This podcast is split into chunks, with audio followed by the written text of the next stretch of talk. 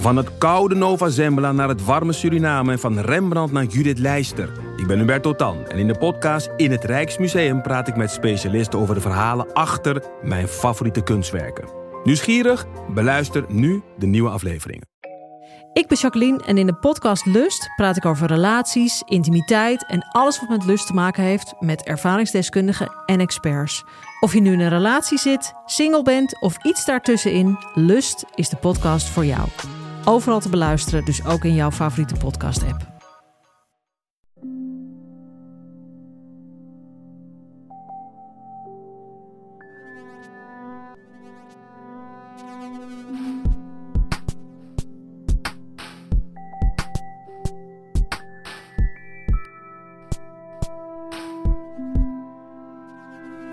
Hey, ik ben Pieter van Relaas.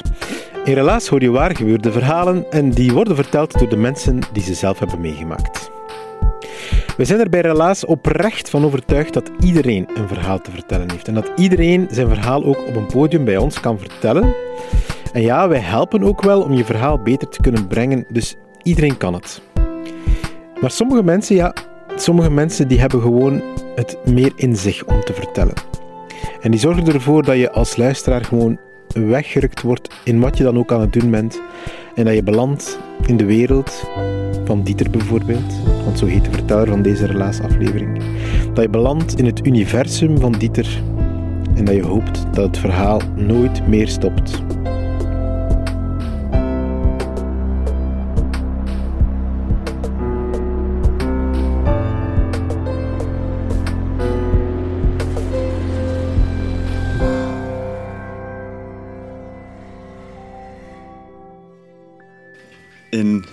Verlaten dorp in het noorden van Spanje sta ik te wachten op de dichter om mij op te pikken. Waarom een dichter en waarom daar? In die tijd van het verhaal woonde ik in Barcelona, maar ik was de stad zo kotsbeu. De lawaaierige toeristen, de hitte die vooral in de zomer in je gezicht kletste als een zeemvel. Ik moest daar weg. En een vriend vertelde mij over woofing.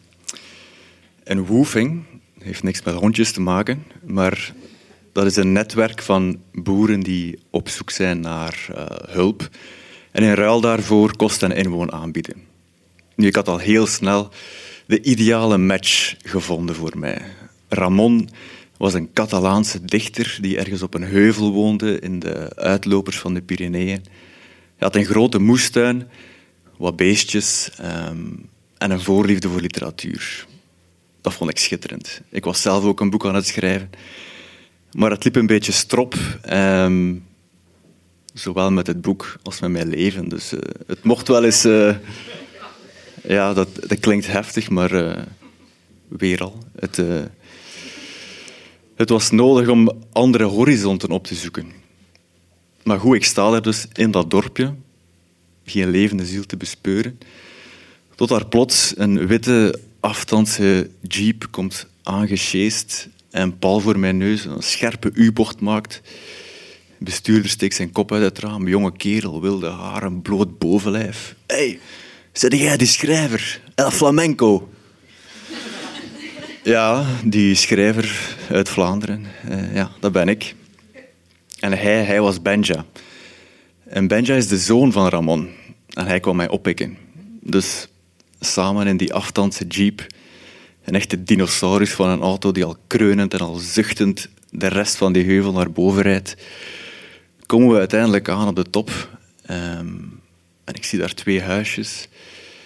Ik zie wat stallen. Ik zie een grote schuur.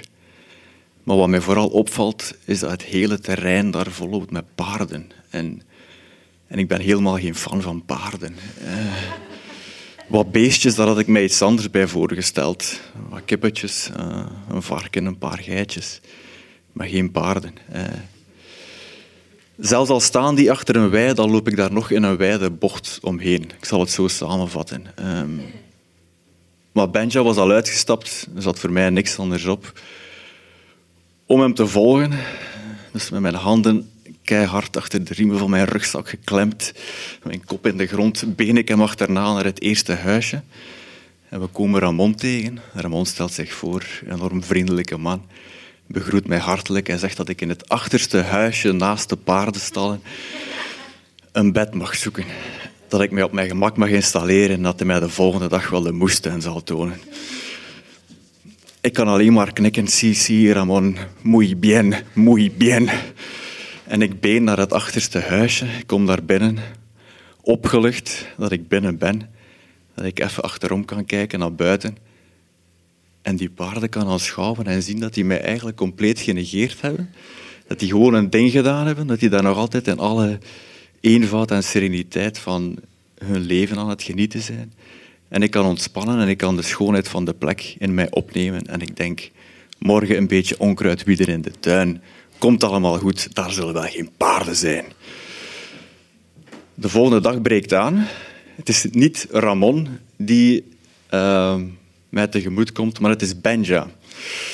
Die wilde kerel dus met zijn uh, gekke wilde haren, uh, die op de rug van een paard is opgegroeid, lijkt het wel. En die wil samen met zijn vader excursies organiseren. Ehm, tochtjes te paard. En het eerste wat hij wil doen is de paardenstallen uitmesten. Want het is toch vooral voor die dieren dat hij het wil doen. En hij vraagt of ik hem daarbij wil helpen. Um, ja, ik durf mij niet laten kennen, dus ik zeg tuurlijk. En gewapend met uh, een schop en een riek en uh, een grote kruiwagen om al die paardenmest naar buiten te rijden, gaan wij naar binnen. Uh, en echt een halve meter aangekoekte paardenstront, waardoor die paarden bijna met een kop tegen het plafond zaten. Zo'n zo dikke laag. Wij werken ons daar in het zweet. Het is stikkend heet. Maar het ergste van alles is dat er nog twee paarden in die stal staan. Een merrie en een veulen. Die merrie is enorm beschermend. Ik sta daar met mijn kaken op elkaar geklemd kak te scheppen. Af en toe is tegen dat paard te stoten. Helemaal niet comfortabel. En ik denk van, hoe lang gaat dat hier nog duren? Wel, ja, kilo's en kilo's stront. Zo lang. Maar op een gegeven moment begint Benja te zingen. Ehm, en na een tijdje ken ik ook de woorden, blijven ze hangen, kan ik meezingen en ik begin te ontspannen. Er ontstaat een soort van cadans, een aangenaam ritme, een bezwerend tempo waarin we kak scheppen en de paardjes opzij duwen en in harmonie daar samen in die paardenstal echt de connectie voelen tussen elkaar en tussen die, die magnifieke dieren. En ja, ik ben volop aan het genieten.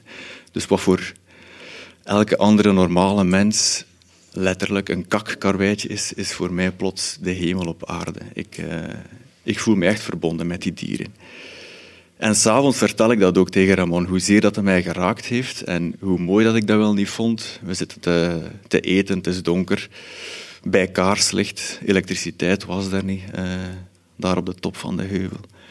En plots komt Benja aangelopen en hij zegt van, ah, kom mee naar buiten, je moet meekomen. Schitterend wat daar te zien is, echt, kom, nu, gauw. Uh, dus wij alle drie naar buiten, wij sluipen daar een helling op, pikdonker, wij zien niks. Wij komen boven op een open vlakte, de maan schijnt, de hele kudde paarden zit daar, op hun voorpoten, uit te rusten. Dat maanlicht op hun zilveren vacht. Ah, muisstil, alle drie. Schitterend tafereel. Magisch gewoon. Stom verbaasd dat we ernaar te kijken. En die avond val ik met zo'n gelukzalige glimlach op mijn gezicht in slapen. Dat ik denk van, waar ben ik toch terechtgekomen? Hoe is dat gebeurd? Dat kan toch niet? En goed, we zijn nog maar twee dagen ver. Dus er is nog heel wat wat mij te wachten staat. Want een van de, de dagen daarna zie ik hoe Ramon, die ik echt wel ben beginnen zien als een paardenfluisteraar, een, uh, een kenner en menner van paarden. En hij is een nog uh, ongetemde hengst is hij aan het trainen. En hij doet dat door samen met die hengst in een kraal te gaan. En er is nog een meer ervaren paard ook bij. En de, de ervaren paard geeft hij dan instructies en dan gaat die jonge hengst dat kopiëren, imiteren. Aan de hand van dat gedrag uh, probeert hij dus die jonge hengst te temmen en misschien op een gegeven moment ook uh, te bereiden. Ik sta vol bewondering te kijken en op het einde komt Ramon bij mij en hij zegt van ja, en deze middag gaan we op excursie. Dan, ik heb wat vrienden uitgenodigd, ik wil met de hele, hele kudde op pad gaan. Um, en ik weet dat jij uh, geen paardrijder bent, zegt hij zo tegen mij. Ja. Ik had echt mijn best gedaan om mijn angst voor paarden, want angst is het wel degelijk, heel goed te verbergen. Maar ja, voor iemand als Ramon was dat een onbegonnen zaak om dat voor hem verborgen te houden. Maar kijk, zegt hij tegen mij, jij mag hier met uh, onze wilde Mustang mee. Hè? Ik zal een touw rond zijn nek binden en dan kan je gewoon met hem meestappen. Oké. Okay. Muy bien, Ramon. Muy bien. Ik dacht bij mezelf, dat is zoals met een grote hond gaan wandelen. Hè? Nee?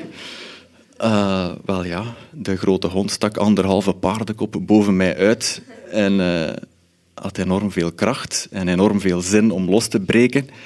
we waren nog geen kwartier ver en die begint daar te rukken met zijn kop en zich ja, te weren als een duivel in een wijwatervat. Tot echt begint te stijgeren op zijn achterste poten en boven mij uittorend, dat ik denk van, nu gaat hij mij hier vertrappelen, dus natuurlijk laat ik dat touw los. En die race er vandoor langs al die andere paarden met, met de ruiters daarop. En ik denk, hier gaan ongelukken gebeuren. Of dat paard zien we nooit meer terug. Wat heb ik nu gedaan? Maar Ramon, die helemaal vooraan rijdt, die slaagt erin om het paard terug te halen. En die brengt dat dood uh, rustig uh, opnieuw tot bij mij en hij geeft mij het touw. En hij zegt van, Dieter, je weet hoe dat, dat gebeurd is paard was de baas, hè, jong. Als je wilt dat dat niet meer gebeurt, ga jij de baas mogen spelen. Hè. En dat was het. Ramon is weer weg met zijn groepje. En ik loop daar opnieuw met onze wilde Mustang. Ik vind er niks beter op dan tegen de Mustang te beginnen praten. Niet omdat ik hem iets te vertellen heb, maar om een beetje tot rust te komen en uh, op mijn manier een band te scheppen. En elke keer als uh, de Mustang met zijn kop nog eens wild beweegt, trek ik terug. Dubbel zo hard. En ik schrik van mijn eigen kracht en ik denk van wow, wat ben ik hier nu aan het doen? Maar dat paard luistert. En dat paard heeft zoiets van, oh, oké, met die gast kan ik hier niet meer sollen. En hij stopt met zich wil te gedragen en ik blijf wel tegen hem praten. En weerom heb ik zoiets van, man, dat dier dat luistert naar mij of dat begrijpt mij. Dat... Hier is iets aan de hand dat ik niet kan verklaren, maar dat is zo, zo intens dat ik dat voelde en mij dat raakte, dat we daar een hele dag gewandeld hebben. S'avonds heb ik die een knuffel gegeven aan een paard en bedankt. En echt, maar ja, de plek had mij al zoveel dingen geboden, maar dat, stak er plots wel helemaal bovenuit. En straffen is, mijn verblijf daar was nog niet voorbij. Ik ben daar nog twee weken gebleven. Ik heb Ramon leren kennen. Ik heb Benja, zijn zoon, leren kennen. En ik leer plots ook zijn dochter kennen. Uh. Ik ga dat verhaal voor een andere keer houden. Als ik dat uit de doeken doe, dan, uh, dan is plots ja, dan is plots vrijdag, denk ik. Uh, maar goed, kort verhaal om het samen te vatten. wij worden een koppel. Um, en ik ga daar in de buurt wonen. Dus niet ver van Ramon op zijn heuvel. Uh, gaan we daar in een dorpje wonen. En ik heb alle gelegenheid en alle kansen om Ramon zo vaak als ik wil te gaan bezoeken. En niet alleen hij, hem, maar, maar ook de paarden. En ja, het komt zover dat ik ook ik ga mezelf geen ruiter noemen, maar wel eens op een paard klim en zit en, en, en dat het paard zich voortbeweegt terwijl ik daarop zit. Dus ik vind dat enorm fijn en die band die groeit alleen maar uh, met, die, met die dieren. En ongeveer, ik denk ja, dat echt wel een, een dik jaar later is, de zomer erna, de zomer na de eerste kennismaking, na de huiveringwekkende toekomst en kennismaking met de kudde paarden. De zomer erna nodigt Ramon ons uit voor een, een nieuw tochtje. Een tochtje met een verrassing, samen met hem en nog een goede vriend van hem. En het is met, uh, met de paarden van die vriend. Goed, ja, wij gaan daarop in. Voor dag en dauw vertrekken wij naar de kust. Wij laden daar de paarden uit, wij zadelen die. En wij beginnen aan ons tochtje. De zon is nog niet opgekomen. Er hangt een, uh, een grijze nevel die zowel de zee als de lucht als het strand in één, uh, één grijze mist hult. Alsof het allemaal één geheel vormt. Alsof we in een andere wereld zijn terechtgekomen bijna. En ik zeg tegen Ramon, wauw, fantastisch man. Wat een verrassing. Schitterend. En het enige wat hij doet, hij zegt niks. Hij laat gewoon eens een mysterieus glimlachje zien. En we lopen verder. Tot als we aankomen aan de monding van een rivier. En daar stoppen we even om te pauzeren. We stappen af. Um, we rusten even uit. En Ramon en die vriend van hem, de eigenaar van die paarden, die nemen de zadels van hun paarden. En ik denk zo, ik niet alleen, iedereen, de anderen denken ook allemaal van, we zijn keiver van, van die wagens, wat moet je nu hun zadels al gaan afnemen? En Ramon zegt plots van, wie nu zin heeft om met deze dieren de zee in te gaan, dat kan. Die zijn daarop getraind, die vinden dat zelfs leuk om de zee in te lopen. Dus uh, ga jullie gang. En iedereen echt dol enthousiast van ons groepje. Zelfs ik. Echt waar, zelfs ik. Een jaar daarvoor in een wijde bocht om een paard lopen. En nu, kom, we klimmen hier op een paard en we rennen de zee. Waarom niet? En echt alleen nog maar dat moment van uh, op dat paard te springen, zonder dat zadel. Uh, die warme vacht te voelen, dat zweet, die harde knokkels van die ruggengraat. En dan ja, die manen vast te nemen en de zee in te lopen. Klots, klots, die hoeven in dat water. Dieper en dieper. Tot ik plots ook de zee rond mijn benen begin te voelen. Tot plots het paard de bodem niet meer voelt onder zijn hoeven en wild begint te trappelen. En ik begin te zweven door het water en de manen nog harder moet vastgrijpen. En het paard echt wild begint te galopperen en ik denk van, we zijn hier gewoon door de lucht aan het rennen. Wat is dit? Wat is dit? Echt waar. Ik heb dat paard zo omhelst op dat moment. Niet alleen om erbij te blijven, maar ook omdat wij op die moment de enige twee levende wezens op de wereld leken.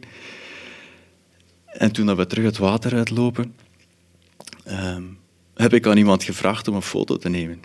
Um, want ik kon het zelf amper geloven wat er gebeurd was. En ik was er zeker van dat niemand anders het ook zou geloven als ik het zou vertellen. Um, zeker de mensen die mij kennen en die weten dat ik, uh, dat ik bang ben voor paarden. Dus die foto is er gekomen. Die foto heeft tot een leuk verhaal geleid. Ook al was mijn initieel plan om naar daar te gaan om verhalen neer te schrijven, om mijn boek eindelijk af te werken.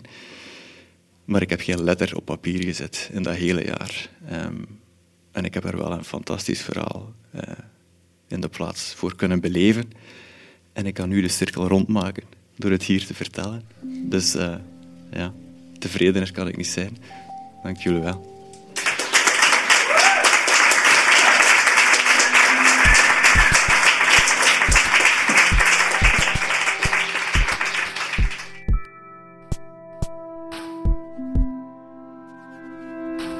Dat was het relaas van Dieter. Hij heeft het verteld in het huis van Alain in Gent. Het was in oktober van 2021.